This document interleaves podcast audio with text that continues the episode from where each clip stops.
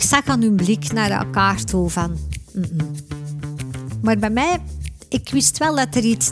Ja, serieus. Ik begon, het begon in te sijpelen van... Nee. En ja, de vraag was, waar hè? Waar, waar? En ineens zei ik zo... En dat was een politieinspecteur, een, een vrouw. En die Ja. had zo'n heel fijn gezichtje zo. En eh, die zei nog tegen mij zo van... Waar? Ik zeg... "Ah." ik zeg, de tuin. Dus daar zijn we nog niet geweest.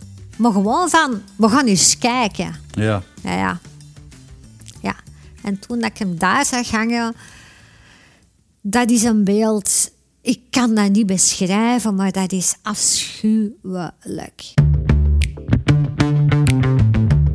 Hallo, ik ben Peter Perceval. Welkom bij Keerpunt. Een podcast over gewone mensen die buitengewone keuzes maken in hun leven. Mensen zoals u en ik die eh, uitdagingen, hindernissen ervaren in hun leven en vertellen over de buitengewone manier waarop ze daarmee zijn omgegaan. In deze podcast laten we die gewone mensen hun bijzondere verhaal vertellen, omdat het voor iedereen inspirerend kan zijn. In deze aflevering praat ik met Nadine Vermeulen. Nadine is life coach en ook rouwconsulente. Ze volgde haar opleiding tot rouwconsulente een hele tijd voor ze in haar eigen leven op verschillende manieren en verschillende harde manieren met de dood geconfronteerd werd. Die confrontaties leverden haar een heleboel wijze lessen op en daarover vertelt ze tijdens deze podcast. Welkom Nadine. Bedankt dat je wil komen vertellen over jouw keerpunten, want het zijn er veel. Dag Peter. Ja. Ehm, als jij jezelf zou moeten beschrijven, Nadine, wat zou je dan zeggen? Hoe zou je jezelf beschrijven? Goh. Een vrouw die wel wat leed heeft gekend in haar leven, maar die zeker haar lessen heeft geleerd daaruit. En daarbovenop, vanuit die lessen, het wil doorgeven aan anderen. Oké. Zo zou ik mezelf beschrijven, denk ik. En van karakter, wat ben jij voor iemand eigenlijk? Oh, vrolijk. vrolijk, humor, veerkrachtig, maar ook heel emotioneel en gevoelig. Ja. Ja. En ben je altijd zo geweest? Altijd als kind. Mijn vader noemde mij altijd ja, de sunshine, dus ik lachte altijd al wel veel. Uh, maar ik heb al van kinds af aan leren omgaan met uh, wel, wel moeilijke situaties. een, een beetje altijd zo in survivor mode gezeten. Ja. Ja, eh, vertel eens over wie, wie, wa- wie was Nadine toen ze v- 16 was? Ehm, zoekend, zoals elke 16-jarige, denk ik. Maar altijd wel vrolijk. Ehm, maar ik wist ook wel altijd als ik naar huis ging dat ik het daar moeilijk of dat ik daar ha, obstakels ging tegenkomen. Hoe kwam dat? Omdat mijn moeder het heel moeilijk had in haar huwelijk. Ze had ook niet altijd die kracht of die veerkracht om om te gaan met mijn dominante vader. En ja, met als gevolg dat ze toch altijd naar de fles greep vanaf vier uur in de namiddag, half vijf. Dus angst was wel voor mij een, een, een onderwerp of een emotie of een gevoel dat enorm aanwezig was in mijn leven. En als kind heb ik daar heel goed mee leren omgaan. Eh, Wat, bedoel je goed mee leren omgaan? Wel, ehm, ik Dat- ik kan... vind het een verbazend antwoord. Ik vraag me dan af, kan je daar ik- goed mee leren omgaan? Ja, ehm, dat leert je. Dat leert je. Ehm, dus op den duur had ik een soort strategie ehm, voor mezelf eh, opgemaakt. In die zin dat ik dan, als ik van school kwam, dan at ik. Ik deed mijn huiswerk. Maar ik wist ook wanneer dat ik in mijn kamer moest gaan zitten om het te gaan verschuilen. Ehm, en ik wist ook welke momenten dat ik gebruik moest maken van het toilet. Of ik wist op welke momenten dat ik moest doen alsof dat ik sliep. En zo van die zaken. Om niet geconfronteerd te worden met ja, agressie en verbale agressie van mijn moeder. Dus ja, ik heb daarmee leren omgaan in een soort overlevingsmodus. En toch, langs de andere kant, had ik van kinds af aan altijd al een soort begrip voor mijn moeder, haar onmacht of haar manier van ja, de dingen aanpakken. Niet dat ik daar, eh, dat goedkeurde, niet dat mij dat geen pijn deed, maar ik begreep wel van waar het kwam, als kind al. Ja. psychologen spreken dan over parentificatie. Was jij een beetje de, de mama van je eigen moeder dan? Dat klopt, ja, Ja. toch wel. En ik zorgde voor haar, ik beschermde ook haar in zekere zin. Zeker als mijn vader eraan te pas kwam, ja. Wat wel. gebeurde er dan thuis? Ja, verbale agressie heel veel, Ja. maar ook fysisch. Ja. Ehm, en dan was het moment natuurlijk om, om er tussenuit te gaan. En dan was het het moment ook om een deur op slot te doen. Ja. Maar buiten dat was ik wel degene die er wel klaar voor stond om haar op te vangen. Weliswaar een dag daarna, omdat ik wist onder invloed van de alcohol diezelfde avond dat dat toch geen nut had. Dus ik ben heel goed, ik heb leren omgaan met een ander zijn emoties of andere mensen hun emoties van kleins af aan. Oké. Je hoort eh, heel vaak dat mensen die in zo'n situatie hebben gezeten, dat die ehm, een enorme voelsprieten hebben eigenlijk. Klopt. En eh, dat dat ook eh, wel eens tot te veel begrip kan leiden. Heb je dat ook meegemaakt in je leven? Heel mijn leven, ja. Ja. Ik heb eh, eigenlijk altijd te veel begrip gehad voor mijn omgeving. Ehm, en natuurlijk ben ik in een situatie beland en getrouwd met een man eh, waar ik ook heel veel begrip altijd voor gekend heb. En dus echt mezelf heb leren wegcijferen nog meer. Omdat ik dat als kind sowieso had gedaan. Mezelf wegcijferen vanuit overlevingsmodus, maar ook zorgen voor mijn moeder. En eigenlijk is dat een patro- patroon dat ik ben blijven herhalen doorheen mijn huwelijk. Je, je spreekt echt zelf van een patroon. Dat, is, Dat is een patroon dat dat, was ik één op gewoon... één een kopie van wat je thuis gezien had. Omdat ik dat kende. Mhm. En dat werkte ook. Dus ik heb dat herhaald. Welke plaats had humor daarin? Ehm, heel belangrijk voor mij. Ja? Ehm, humor heeft altijd mij. Ik, van kleins af aan keek ik altijd naar alles wat humoristisch was op tv. Ja. Alle vrolijke liedjes. Ehm, ik danste ook heel veel alleen in mijn kamer. Ik vond dat heel leuk. En later in mijn leven, ook naar mijn kinderen toe, ja, humor was een hele belangrijke om te relativeren. En humor is gewoon een heel sterk wapen om te relativeren. Was het een vlucht dan? Nee, het was een middel om te relativeren en niet te veel in die zwaarte te gaan. Ja. We gaan, eh, we gaan, je, hebt, je hebt een aantal keerpunten in je leven gehad en die hebben alles te maken met de dood. De dood is een, een paar keren heel dicht bij jou geweest. Ehm, wat was zo het eerste grote keerpunt in je leven? Wel, in 2014 ehm, ja, heb ik mijn moeder bezocht in het ziekenhuis. Ze was dement en ze had een geamputeerd been. En dat was Door- toch heel confronterend, ja, vanwege natuurlijk het vele roken, de alcohol en, en de stress en zo ja. verder.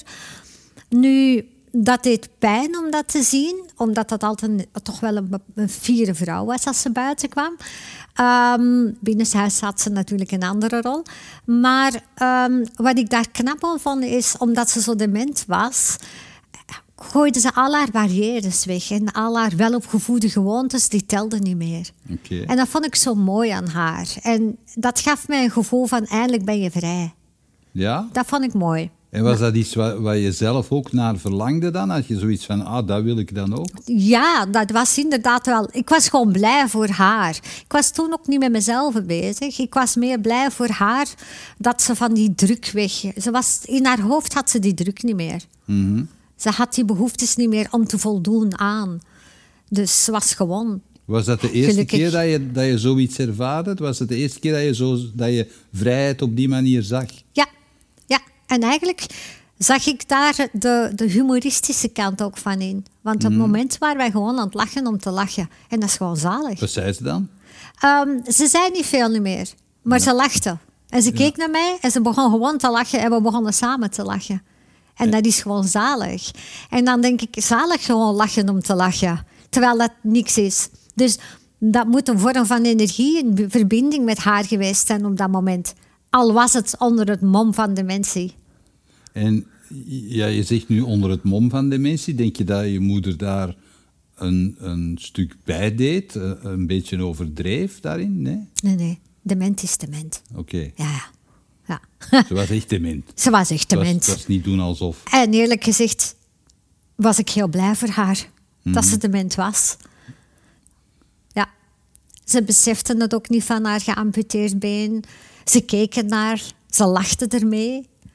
Ehm, ik deed een dansje in de ziekenhuiskamer, onnozel. Ze lachten ermee. Ik liet de story zien. En dat was prinses Mathilde of zoiets, want toen was ze nog een prinses. Of ik weet niet meer, ja, ik weet niet meer. En ze lachte daar gewoon mee en die zei... Kijk nu, wat een trut. en dan had ik zoiets van... Ja, terwijl dat ze vroeger zo opkeek naar de koninklijke familie en alles wat... Met, met de royals te maken had. Hoe, hoe, ging de rest van de familie daarmee om? Want je hebt ook een zus, hè? Ja, heel moeilijk. Die kon dat niet vatten, want ja, er was geen controle. En ze was moeder kwijt. En, ja. ja. Bij mijn zus draaide het om haar. Bij mij draaide het om mijn moeder, die eindelijk vrij was. En je vader, leefde die toen nog? Die leefde toen nog en uh, die was heel, nog altijd steeds onaangenaam tegen haar, heel degenererend. Ja, om het eerlijk gezegd, mijn vader was een narcist, dus hij was zijn meid kwijt. Oké. Okay. Dus ze moest gaan, ze lag op haar sterfbed, hè, een paar dagen later. En ja, ze moest gaan. En daar had hij het moeilijk mee, want dat, dat wil zeggen dat dat iets was wat hij niet onder controle had. Hè. Mm En dan, wat was het volgende moment dat de dood uh, in jouw leven kwam? Wel, dan uh, in 2016 uh, eh, verloor ik mijn zus aan een enorme moeilijke strijd kanker. En dat was eigenlijk eerst longkanker en daarna uitgezaaid naar botkanker. Maar ik heb elke chemo, elke bestraling, elk doktersbezoek heb ik met haar um, mee doorstaan. Want dat is echt doorstaan. Was je zus ouder of jonger dan uh, Mijn zus was negen jaar ouder dan ik. Oké. Ja, en, uh, en ja, tot op het laatste moment ja, hebben we haar moeten laten gaan. En dat was een hele zware voor mij. Omdat ik toen besefte van, het kan mij ook overkomen. En ik ben toen beginnen kijken naar mijn leven. Mm Waar ben ik nu in godsnaam mee bezig? Mhm. Altijd al die het vergaren, materie, voldoen aan, altijd zo die eisen hoog leggen. En ik was vergeten wat genieten was. En toen moest ik ook wel denken aan mijn moeder. En dan dacht ik van, ja, loslaten. Leren loslaten. En dat ben ik toen stilletjes aan beginnen doen. Dingen beginnen loslaten in mijn leven. Dingen die eigenlijk niet zo belangrijk niet meer waren. Wat, wat, waren dan de zaken waarvan je zei, die zijn nu niet meer belangrijk of minder belangrijk geworden? Streven naar die perfectie. Mhm. Streven naar vooral anderen te pleasen. Anderen altijd maar op zijn aantreds gezegd achter iedereen zich gaat aanlopen om toch maar erbij te horen. Simpelweg. Ja. Ja. En dat, dat, dat was niet zo belangrijk niet meer. Maar ik begon toen ook te beseffen dat ik dat in mijn huwelijk aan het doen was. En dat was een enorm keerpunt. Maar je bent ook moeder, hè? je hebt uh, kinderen. Ja. Dus ja, mijn kinderen waren heel belangrijk. Dus aan hen ben ik altijd blijven geven wat ik kon geven. Mhm. Maar ik ben het anders beginnen doen ook. Ja, wat, was, het wat was, het keer, wat, was de verandering? Ja, als het wat minder goed deden op school, het was oké. Mhm. Als er eens een ruzie was met een vriendinnetje, weegt er niet te zwaar aan. Het is oké, alles komt goed relativeren. Ja. Ja, daar ben ik stilletjes aan beginnen doen. Ja, ik maakte mij druk in alles en nog wat. En wat bracht dat teweeg bij, bij jouw huisgenoten? Uh, bij mijn kinderen was dat goed. Dat voelde ik. Um, alles was toegankelijker, spontaner, losser. Uh, ik was minder eisend van hen dat, dat de kamer nu overhoop lag. Het was niet zo erg niet meer. Mm. Uh, of dat ze nu een bord leeg had, het was zo erg niet meer. Allemaal die zaken. Naar mijn man toe, dat, heeft, dat was het, ja, het begin van een kloof die gecreëerd werd tussen ons. Ja. Omdat jij veranderde? Omdat ik veranderde, dat klopt. Ja. Omdat en... ervoor liep ik in de schaduw van mijn man. Letterlijk. Kan je eens vertellen hoe dat, dat, hoe dat, dat concreet was? Als je zegt, ik, ik liep in de schaduw van mijn man? Je moet dat een beetje... Ja, ik kan dat vergelijken als dat je met een auto rijdt. Je rijdt met een auto en mhm. ik was altijd de passagier. Mhm. Maar ik was intussen tijd alles wel aan het oplossen, alles aan het regelen, voor alles aan het bellen, alles aan het doen. En hij, hij was de bestuurder. Hij reed wel, maar hij besliste ook waar naartoe. Oké. En ik was gewoon de passagier die maar akkoord moest zijn met alles. En dat besefte ik dat die, dat die rol niet, niet, niet bij mij paste. Dat beslissen, hoe ver ging dat? Over wat ging dat bijvoorbeeld? Ehm, dat ging over financieel zaken, bijvoorbeeld. Ehm, dat ik zoiets had van... Ja, je moet geen druk te veel bij mij leggen, want ik doe ook wat ik kan doen. Ik werk al 50, 60 uur per week, dus meer kan ik niet. En daar begin, ben ik in beginnen afbouwen. En ik ben dan meer aan zelfzorg beginnen doen, bijvoorbeeld. Maar um, hoe, waarom, waarom ver, verlangde hij dat je zoveel werkte dan? Um, omdat hij zo in elkaar zat. Dat was zijn perceptie op, op, op hoe dat het huwelijk en hmm. partnerschappen en, en alles in elkaar zat. Hij had een heel andere visie. Um, mijn man kon ook heel moeilijk genegenheid geven. Mhm. Dus dat was voor hem ook een hele moeilijke. Dus ik ben zijn partner, maar eigenlijk ben ik meer een zakenpartner. Oké. Binnen het huwelijk, ja. Dus, maar omdat ik dat gewend was om dat thuis te zien, was dat voor mij ook heel normaal. Je stelde je daar geen vragen bij, nee, tot dan? Tot dan, bij mijn zus op haar sterfbed, dacht ik van... Oei, hier kan ik morgen ook liggen. En als ik dan ga terugkijken op mijn leven, wat heb ik dan gedaan? Mij bezighouden met zaken die echt niet belangrijk zijn. Ik ben vergeten te leven dan. Ja. Dat ben ik toen beginnen beseffen.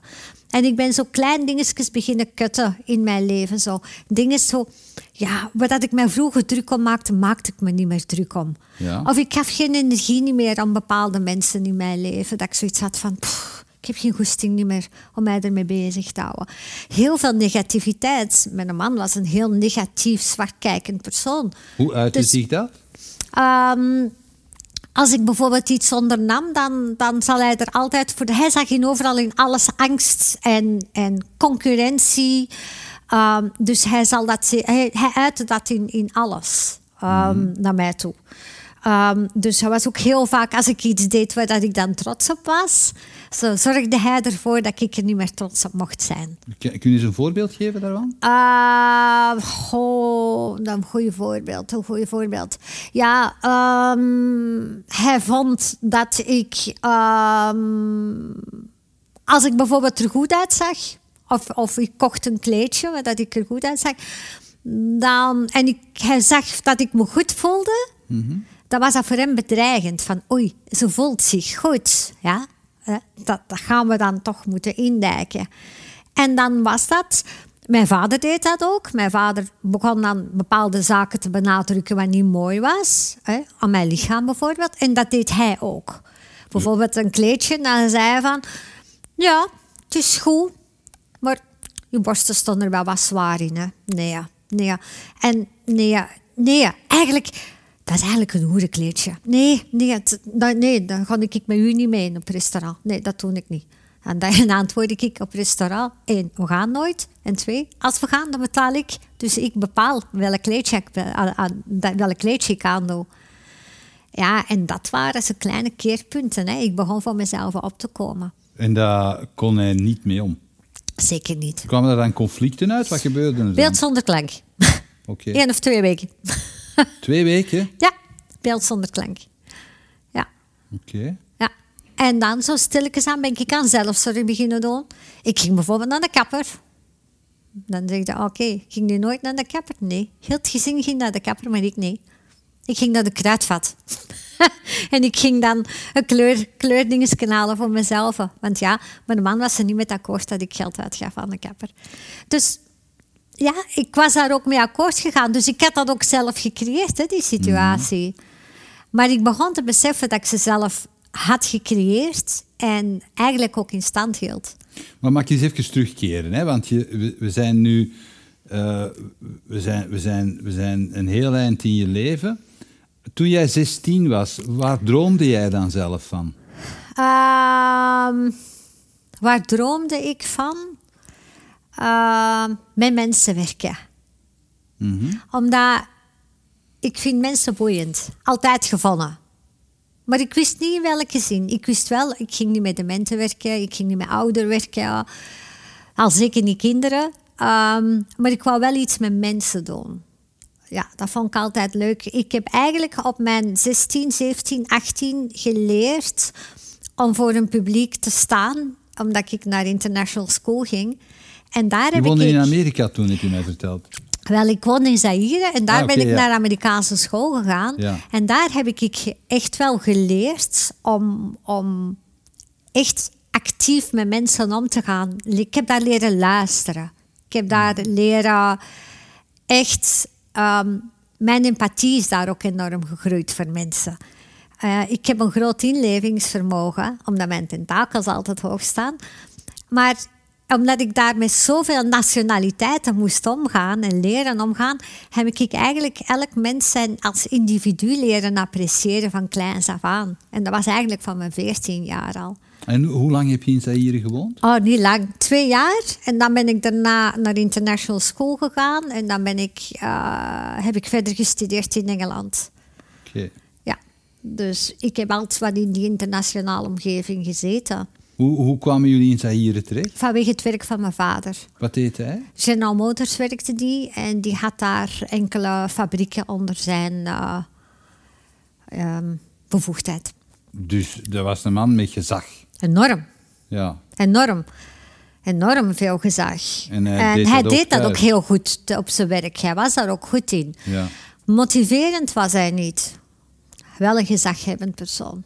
Was meer een leider van de oude stempel. eh, Klopt. Met En thuis dus ook. Hè. Thuis, Ja. eh, en zeker, mijn vader had zo een, een visie eh, wat mannen en vrouwen dienen te zijn. Mhm. Dus, en omdat ik een vrouw was, mm, ja, soit belle et toi. hè. Hoe lang ben je in Zaire? Dus je bent twee jaar in Zaire geweest, Ja. heb je gezegd. Hè? Ja. Ja. Dus als je, heb je daar andere dingen van, van meegepakt nog? Of zaken waarvan je zegt van hè, buiten die school? Terug angst. Heel veel angst. Ja? Ja. eh, dus ik ben opgegroeid met angst thuis, hè, heb ik geleerd, om daarmee om te gaan. Maar in Zaire was dat ook. Ehm, in Zaire hadden wij thuis, eh, eh, ja, dat zijn allemaal ietsje grotere huizen, villa's daar, omdat de grond natuurlijk ook wel. Hè, je hebt daar. Dus, maar wij hadden een oprit en die ging, ehm, als je binnenkwam, een beetje naar beneden. En s'avonds zat ik veel buiten. En ik was buiten altijd aan, het voetballen of aan het tennissen, zo tegen de muur. Zo. En eh, wij hadden een sentinel, een bewaker. En eh, ja, voordat ik wist, eh, zat hij op een moment met een machette achter mij. En dan loopt je wel voor je leven. Ja. Ja. Maar dat was eh, geen spelletje. Die, Die was gedrogeerd van. Blijkbaar hadden wij een plant in de tuin die ja, substanties had die ervoor zorgde dat je dus high werd. Hè. Ja. En eh, ja, dat, dat is wel vies, want ik draaide mij met mijn moment, een moment om, want ik was gewoon aan het spelen. En die stond achter mij echt met, met een grote machette. En eh, ja, die wist het even niet meer. En zo heb ik ook een, uh, een, een mitraillet tegen mijn hoofd gekregen. Ja, we waren niet op weg naar huis. En um, er was politiecontrole, of MP, militaire politie. Mm -hmm. En uh, het was donker. Uh, ja, en die zwarte mannen zitten niet goed in het donker, tenzij dat ze lachen of recht in je ogen kijken. En die, die draaiden zich om. En die stonden daar allemaal. En dat was echt wel ja, heel imponerend, want ja, die staan daar in uniform. Um, je weet ook wel dat die mannen niet de discipline hebben zoals het eigenlijk hoort, of de opleiding hebben gehad zoals het eigenlijk hoort, want dat was nog onder Mobutu-regime. Ja. En uh, ja, die hebben wel uh, ja, een beetje een schrik achtergelaten. En die uh, vroegen op een moment, hè, doe dat raamje eens open van achter. Ik zat achteraan en die vroegen toen van ja, ik, ja, ik wil geld. Nee, eerst vroegen ze bier. En dan zei mijn vader, ik heb geen bier, maar ik heb wel geld. Mijn vader had altijd een koffer met geld. Ja. En, uh, en die hielden echt een mitraille tegen mijn hoofd. Ja, als ze het geld niet zou geven. Dus, uh, dus ja, wat met zich Deed meebrengt... je vader dan niks om, te, om je te beschermen op nee, dat moment? Nee, nee, die stapte gewoon heel rustig uit. Ik denk dat hij ook gefocust was op dat moment. Okay. Uh, rustig blijven, niet in de ogen kijken. Dat hadden we ook geleerd. Hè. Kijk die mannen nooit in de ogen. Altijd naar beneden kijken.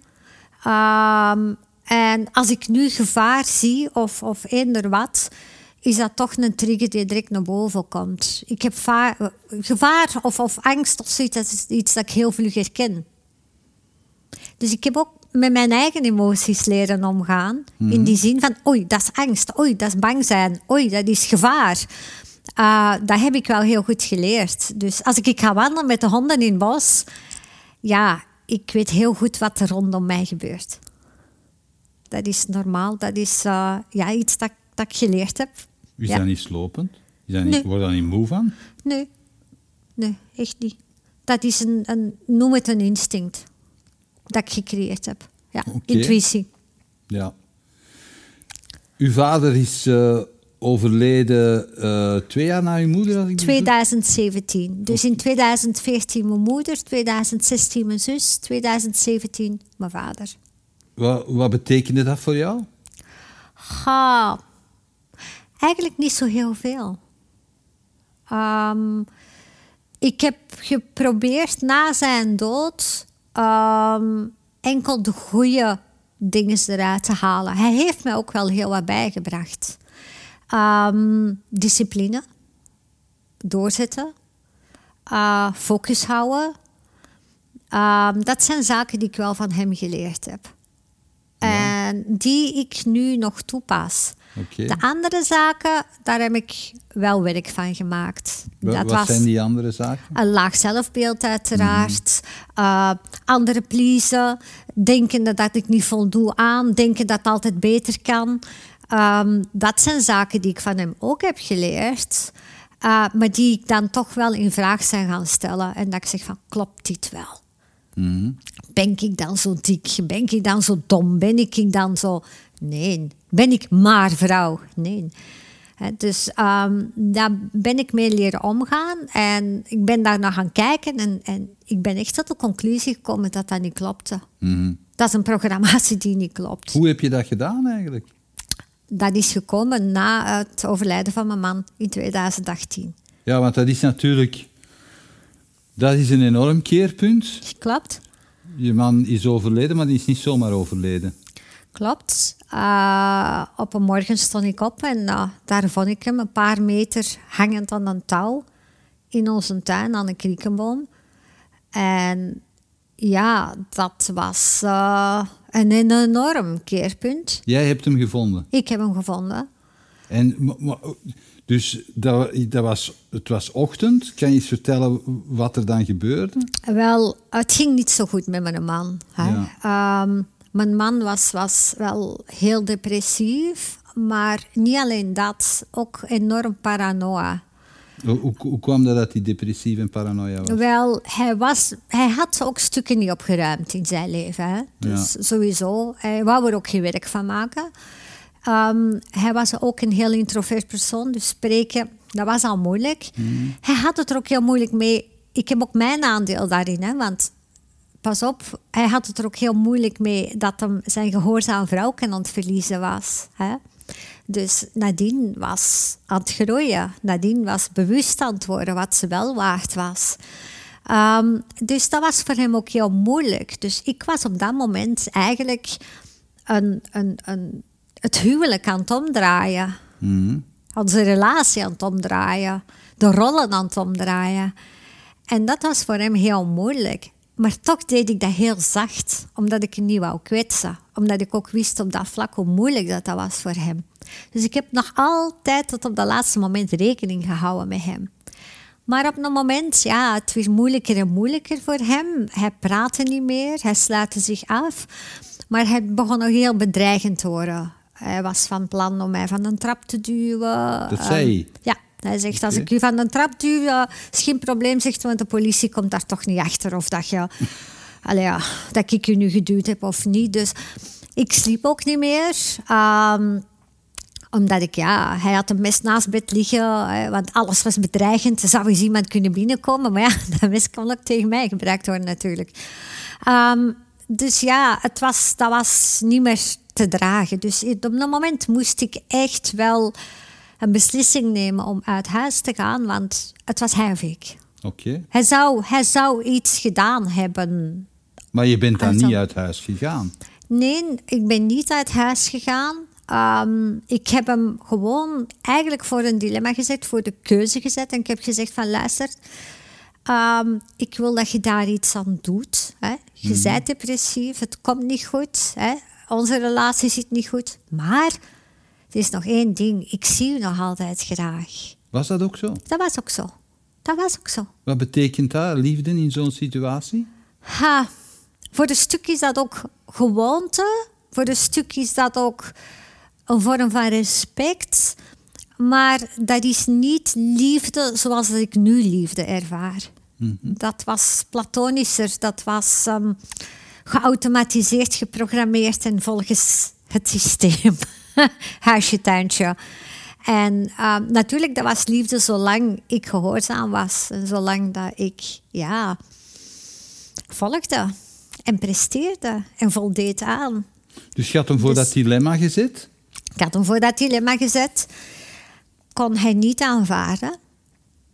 En dan heb ik gezegd, ja, luister, dan resteert er mij nog één ding. En dat is, eh, ja, moet ik vertrekken? Want dit wordt gevaarlijk voor mij. En eh, daar had hij natuurlijk, dat was voor hem heel moeilijk. Ik heb hem dat gezegd op een maandag. Dat was 24 september. En op 26 september was hij niet meer.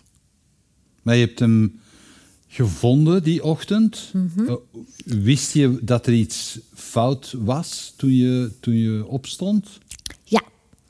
Dus ehm, normaal gezien stond hij, met, hij stond in shiften, met de vroege. Ja. En, eh, en ik stond op en eh, oh, ik op het gemakske nog mijn kop koffie drinken. En, en, en ik zag hem een, een brief liggen in de keuken. En ik keek naar die brief en ik begon die te lezen. En ik dacht, tja, maar dat is nu toch wel raar. Zo zit hij niet in elkaar. Dat was zo een brief van toen, hè, dacht ik zo van, wat schrijft hij nu? Wat stond daar dan in? Wel, daar stond zo van die dingen in van... Ja, het is allemaal mijn schuld en, en ik zie u graag, ik wacht op u. Ik eens gaan werken. Kan dat nu? En toch, toen ik dat las... Heel raar, mijn lijf wist toen, er klopte iets niet, maar mijn hoofd kon dat niet, niet aanvaarden. Wou dat niet aanvaarden, wou dat er niet binnenlaten. Echt Want dat niet. was een afscheidsbrief eigenlijk. En toch besefte ik dat niet op dat moment. Oké. Dus ik wist dat er iets niet juist was en toch wou ik het niet aanvaarden. Dus ja, en dan eh, ben ik uh, stilletjes aan zo naar de badkamer gegaan. Ik voelde dat er iets niet klopte. Ik begon te bibberen. Ik ben doorgezakt. eh, mijn, mijn knieën, mijn benen konden me niet meer dragen. En al wat ik dacht is van... Maar wacht even. Ehm, dit zijn kleren. En dan zag ik zijn kleren hangen aan de kapstok. Die kleren hangen er nog, dus dat klopt niet, want die zou moeten zijn gaan werken. Ik kreeg telefoon van zijn baas. Ah, die is er niet. Ah, Dat klopt niet. Ik ben gaan kijken, de auto stond er ook nog. En toen begon ik te beseffen, hier is echt iets niet juist. Nog altijd niet denkende aan het feit dat hij zelfmoord zou plegen. Dus, en dan heb ik geprobeerd aan 112 te bellen. Maar ik hakte nou elke keer in. Want ik had zoiets van, allee, waar ben ik hier nu mee bezig? Je kon het zelf niet, of wat? Ja, ik had zoiets van, waarom moet ik nu dan 112 bellen? Die komt, ze hebben stok door de deur. Of die is waarschijnlijk gaan wandelen of aard. Of... Dus, maar dan de honden waren er. Dus ja, dat klopte ook niet, dat hij was gaan wandelen. Dus ja, geen haar op mijn hoofd dat eraan dacht dat dat zou gebeuren. Omdat dat de meest rationele man was. Die, natuurlijk, hij zat in een, in een heel depressieve ja, gemoed. Maar blijkbaar veel erger dan ik ooit had kunnen denken. Dus, ehm, en toen eh, dacht ik van, weet je wat, ik doe mijn kleren aan en ik ga hem zoeken. En toen dacht ik, ja nee, ik kan toch even een vriendin bellen en eens even laten weten van, ah, dat klopt hier iets niet. En die Ja. zei direct, nee Nadine, wel de 112 bellen, want dit is niet juist. En dan heb ik die gebeld en eh, die waren heel professioneel. Maar ja, toen ben ik in, in tranen uitgebarsten. Omdat toen met dat gesprek heb ik beseft van... Die is hier ergens weg. Die is er niet meer. Ehm, Maar was heel dichtbij. Wist je dat toen? Nee, ik dacht altijd ver weg. Mhm. Ehm, En uh, dan ging de bel en dan waren er twee politieinspecteurs voor de, voor de deur. En toen dacht ik, ah, jij, die gaan hem vinden. Ja. He, dat was zo een beetje een, een, het soelaas van, ah ja, gaan, jullie gaan dat hier oplossen. Hè? Professionele hulp. En die kwamen in de keuken en die stelden mij een heleboel vragen. En uh, waar dat hem zou kunnen zijn, welke kleren en dit en dat, dat de maan had en zo verder. En uh, ja, die, lazen, die, die hadden een brief dan doorgenomen. En ja, ik zag aan hun blik naar elkaar toe van... Mm -mm. Maar bij mij, ik wist wel dat er iets... Ja, serieus, ik begon, het begon in te sijpelen van... Nee. En ja, de vraag was, waar hè? Waar, waar? Mm -hmm.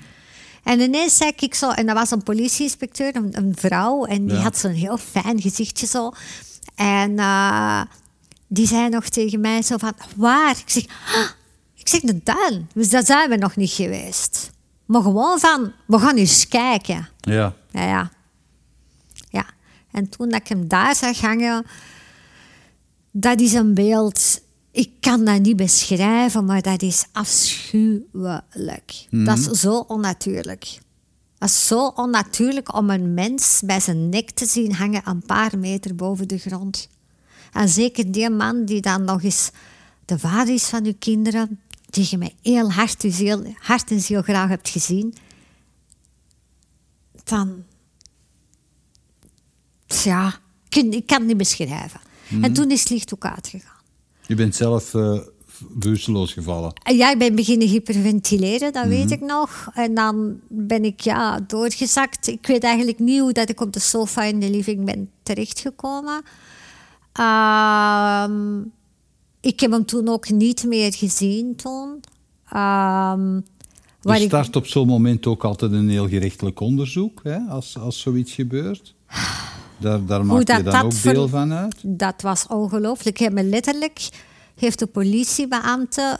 Um, want daarna was, ja, mijn huis was omgekeerd in, in een ja, een politiereeks hè, van op tv. Hè. Ik bedoel, CSI. CSI hè. Ik bedoel, ja. alles, iedereen hè, was daar binnen. En, uh, maar ik besefte de helft niet, want ik zat in shock. Maar intussen was mijn vriendin toegekomen, die gelukkig ook wel heel veel formaliteiten heeft kunnen opvangen. Mm. Um, maar dan heeft uh, een van de politiebeambtes, ik weet niet of dat inspecteurs waren of niet letterlijk met dat touw voor mij gestaan. Die hebben gezegd, en mevrouw, moet u dat nog hebben? En dan denk ik, goed, nogmaals, dat was mijn begrip. Mm-hmm. Van oké, okay, die is zijn job aan het doen. Maar dat vond ik enorm onsmakelijk. Ja, dat zal wel. Ja. Um, en ja, op die zetel... Het enige wat ik aan dacht is van... Ah, die heeft het koud. Ja, ik ja, ik zat in denial tot en met de ontkenning. Hè. Ik, ik wou niet aanvaarden hè, dat, mm -hmm. wat dat er gebeurd was. Um, en toen uh, het enige wat ik kon zeggen is van... Hij heeft het koud, hij heeft het koud. Pas op, haal die naar beneden. Die heeft het koud.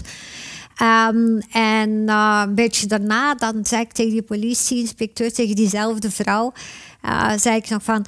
Oh, ik zeg, die is echt weg, hè. Die is echt weg. En toen gaf hij een antwoord ik zal het nooit vergeten. En ik, ben, ik vind het zo spijtig dat ik haar naam niet meer heb om haar te bedanken. Maar toen zei hij wel van, maar u bent er nog, mevrouw. En dat zijn woorden die ik nooit zal vergeten. Oké. En ik keek haar zo aan. Waarschijnlijk moet ik haar zo heel raar hebben aangekeken. Zo van, en dan moest ik die woorden laten bezinken. En godzijdank heb ik dat gedaan op dat moment. Om die te laten bezinken. Want die woorden hadden heel veel betekenis. Want dat is niet enkel van, oh mevrouw, u bent er nog. Ja, ik ben er nog, om het nu ook anders te gaan doen. Mm -hmm. Voelde je je ook schuldig? Zeker. Zeker, want ik ben de dag ervoor nog voorbij die boom gestapt. En toen hing het touw er al. Ja? Ja. Hij had dat op uh, zo'n manier, uh, dat wist ik dan van de politie, zo'n manier. Dat was een constructie die in elkaar had gestoken. Dat was niet één touw. Dat was, hij heeft vier of vijf takken gebruikt. En hij heeft daar ook van die bergklemmen tussen gezet, zodat zeker uh, vast zou blijven zitten. Dus uh, dat hing er al eventjes. En ja, schuldgevoel, omdat ik maandag tegen hem had gezegd van... Ik verlaat u, want ik kan, het, is, ik moet overleven. Hoe lang is dat blijven plakken? Wel niet zo heel lang. Hmm. Want dat is het eerste wat ik werk van gemaakt heb. Omdat ik wist, als ik daarmee zou blijven zitten, dan, dan komt het niet goed met mij. Dat, was veel te, dat is op een veel te dramatische manier allemaal. Hoe heb je daar dan mee afgerekend voor jezelf? Ehm, ik ben daar doorgegaan. Ik heb heel vaak op de zetel gelegen, want ja, ik wist niet meer wat dag en nacht was en, en zo verder. Ehm, en ik heb wel tegen mezelf gezegd, maar heb ik dan ook wel schuld? En dan ben ik gaan kijken naar mijn leven en dan ben ik gaan kijken naar alles wat ik heb gedaan in mijn leven om hem gelukkig te maken. En dan had ik zoiets van, nee, ik heb alles gedaan wat ik kon doen. En dan zegt dat stemmetje weer van, ah ja, maar je ging hem wel verlaten. En dan zeg ik tegen mezelf, ja, maar ik moest wel. En anders had ik er niet meer geweest misschien. Dan had ik misschien beneden aan de trap gelegen. En je kinderen? Uh, Dat was nog moeilijk, hè? want dat moest ik dan uh, persoonlijk zeggen aan mijn kinderen. Ehm, dus mijn, mijn zoon zat op kot, dus ik moest die naar huis lokken met een excuus. Uh, omdat je zoiets niet via de telefoon kunt zeggen, uiteraard. Um, dus ik heb gewoon ge Tom gebeld en, en geprobeerd met een zo normaal mogelijke stem. Uh, ik moest even toen alle moed bijeenschrapen.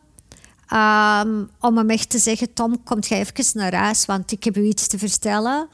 Ja, wat mama? Ja, wat? Zeg het dan gewoon aan de telefoon. En zeg ik, nee Tom. Ja, is het goed of slecht nieuws? Ja, Tom. Uh, ja, weet je wat? Komt gewoon naar huis en ik kan dat niet via de telefoon. En dan ja, moest ik het heel kort houden, want mijn emoties kwamen enorm naar boven. Ja. Um, hij is dan ik, ja, hij is heel plichtbewust, want hij is ook autistisch. Dus ja, uh, voor hem was dat een normale zaak om naar huis te komen, niet te veel vragen te stellen. En dan uh, is hij naar huis gekomen en hij zat aan de livingtafel. En dan heb ik moeten zeggen, papa is er niet meer. En ja, dat was voor hem... Dat was zo pijnlijk om dat aan uw kind te moeten zeggen. Um, wist hij ook hoe, hoe de vork in de steel zat tussen hij wist jullie? Het, hij wist het. Ik had hem ook op de hoogte gehouden, van op afstand, zonder, zonder hem te veel ja. te belasten. Want hij heeft ook zijn studies, zijn leefwereld um, en ook zijn manier. Hij heeft zijn relatie. Hè? daardoor ook vragen naar jou? Van ja, maar wat heb je dan gedaan of wat heb je gezegd? Nee, nee mm -hmm. eigenlijk niet. Um, hij is toen wel even gecrashed, wel. Ja. Mm. ja. Um, hij liet het ook niet toe dat ik hem benaderde. Um, en van hem heb ik achteraf enorm veel schuldgevoel gekregen en gevoeld. En toch heb ik daar ook weer mee om leren gaan op een manier dat ik zoiets had van nee, dat klopt niet. Het is niet mijn schuld, het is zijn keuze. Hoe heb je dat, heb je dat dan uitgepraat? Heel moeilijk. Dat was heel moeilijk om met hem dat uit te praten. Um, ik heb mij in zijn vel een beetje gezet, hoe dat een autist denkt. Um, en ik heb de woorden gebruikt, um, we hebben allemaal het recht om zelf te beslissen wat we met ons leven doen. Mm. Dat begrijpt hij. Uh, ik heb hem ook gezegd van, luister, het heeft niks met u te maken. Het is papa zijn keuze geweest. Um, en ik heb hem ook gevraagd om alsjeblieft alleen de goede herinneringen vast te houden. Als het kan, zoveel mogelijk. En ja, hij wist ook dat ik er was voor hem, hè, om hem op te vangen. Ja. Dat is al bij al nog een, een redelijke uh, verloop van, geweest. Van communicatie. Ja. Hè? Ja. Hoe, hoe, was het met je dochter? Wel, ik had geen contact meer met de dochter. Ja. Uh, of wij hadden allemaal geen contact meer met de dochter. En dan gelukkig was er ook een maatschappelijk werkster die het dan heeft kunnen opvangen. Okay. Dus die heeft contact genomen met Caroline. Die is daar naartoe gegaan, die heeft het gezegd. En dan, dan natuurlijk heb ik mijn dochter teruggezien. Uh, na anderhalf jaar uh, dat we ze niet meer gezien hadden, behalve in de rechtbank dan. Ehm, en ja, geprobeerd ook, heb ik naar de kinderen toe geprobeerd om mijn, mijn moederrol eigenlijk zo goed mogelijk in te vullen. In die hmm. zin van goed, ze hebben, wij hebben allemaal een aparte relatie met de papa. He, allemaal. Maar ik heb echt wel geprobeerd om elk zijn relatie te respecteren zoals dat die was. En gewoon mijn rol als moeder in te vullen en te zeggen van ik ben er voor jullie. Niet meer en niet minder. Hmm. Dat heb ik geprobeerd. Omdat ik ook wist van ik kan hun leed niet op mij erbij nemen. Want ik moest zelf nog beginnen verwerken. Ja, want dan zijn we hè, bij jouw verwerkingsproces. Ja. Hoe lang, hoe lang heeft dat geduurd? Anderhalf jaar. Heel intensief. Elke dag en nacht. En vier seizoenen in één dag. Constant. Mm Maar heel gefocust daaraan gewerkt.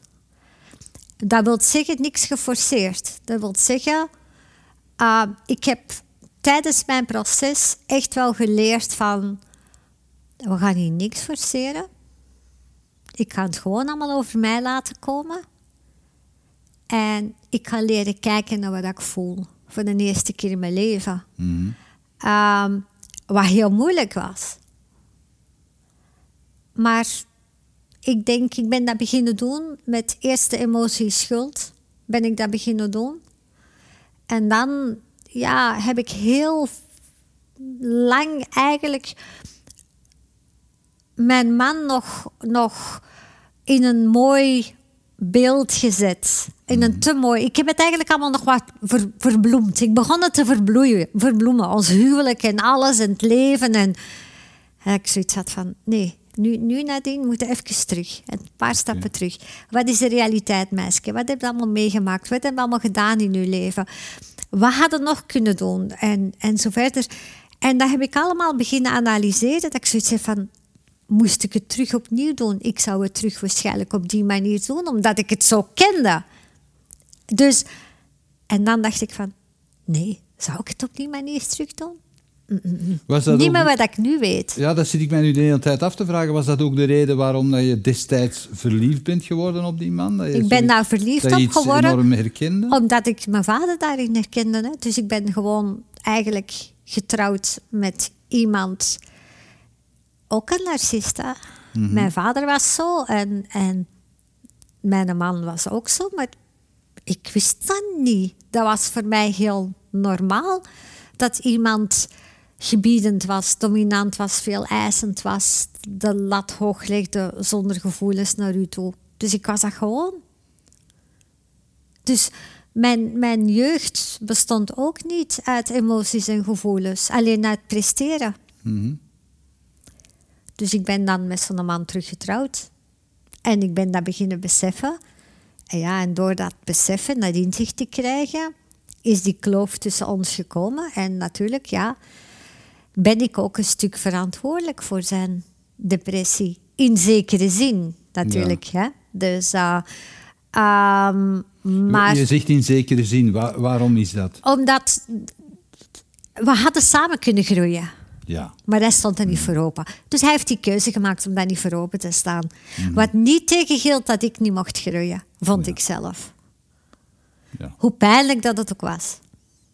Mhm. Ik moest groeien. Het was een moment. Mijn kinderen waren groot. Alles was, was aan het veranderen. Ik had mijn job als moeder voor een groot stuk volbracht. Dus nu was het ook de moment om mezelf te werken. En ik wou hem daarin mee. Maar hij wou niet. Hij kon het ook niet. Kon het niet. Mhm. Hij kon niet voelen. Als je nu op terugkijkt, Nadine, wat heeft het je allemaal geleerd? Ha, veel. Heel veel. Ik sta nu totaal anders in het leven. Um, hoe moet ik zeggen? Eigenlijk heel.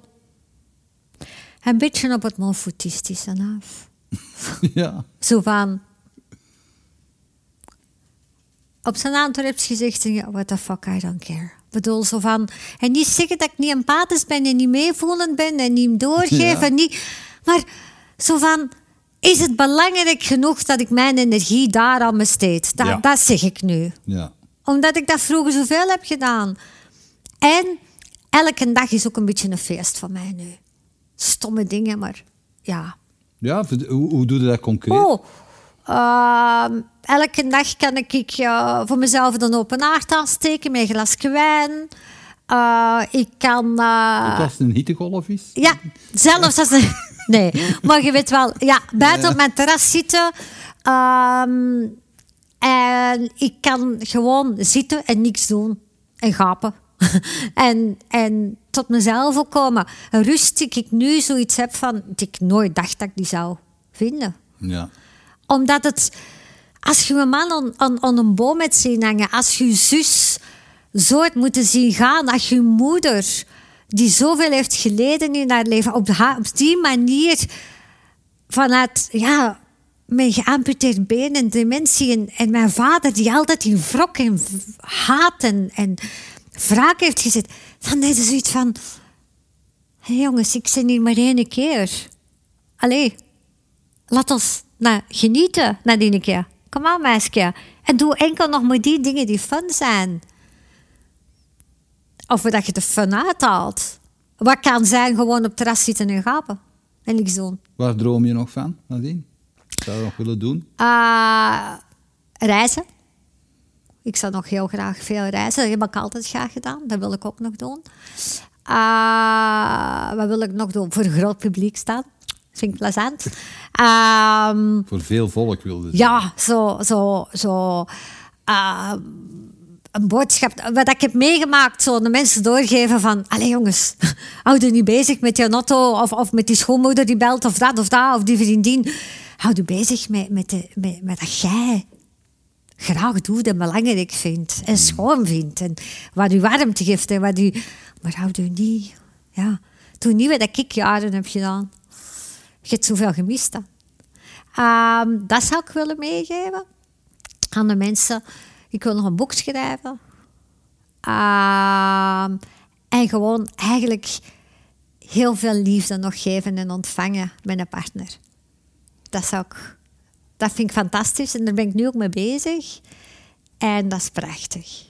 Dat is gewoon op, op een heel andere manier. Kan de gelukkigen dat waarderen? Ah, maar ja. Ja. En humor. en humor. En ik kan mezelf zijn. Ja.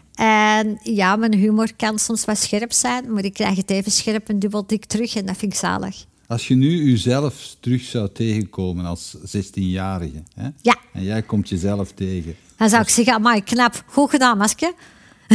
Goed bezig.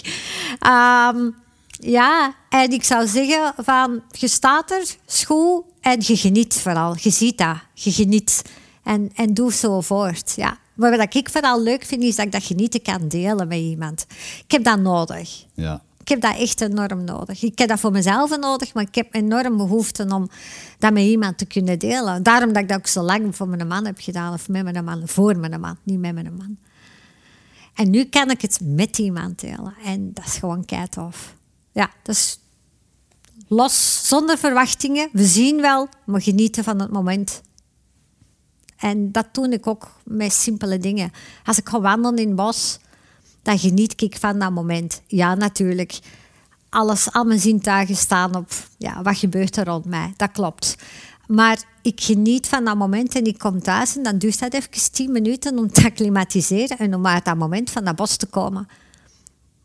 Ehm, ik kan met iemand een gesprek hebben. Ik kan daar zo in opgaan en zoveel plezier van hebben, van die interactie, die connectie of met iemand, dat dat dan daarna weer even duurt dat ik daaruit ben.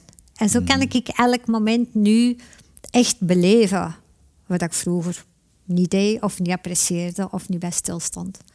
Oké. Bedankt voor het gesprek. Nadine. Graag gedaan. En eh, nog heel veel plezier dan Ja. in de rest van uw leven. Ja, dankjewel. Bedankt dat je keek naar deze aflevering van Keerpunt. Wil je op de hoogte blijven van nieuwe afleveringen en nieuwe interessante gasten? Abonneer je dan op onze nieuwsbrief via www.inspiringspeech.be.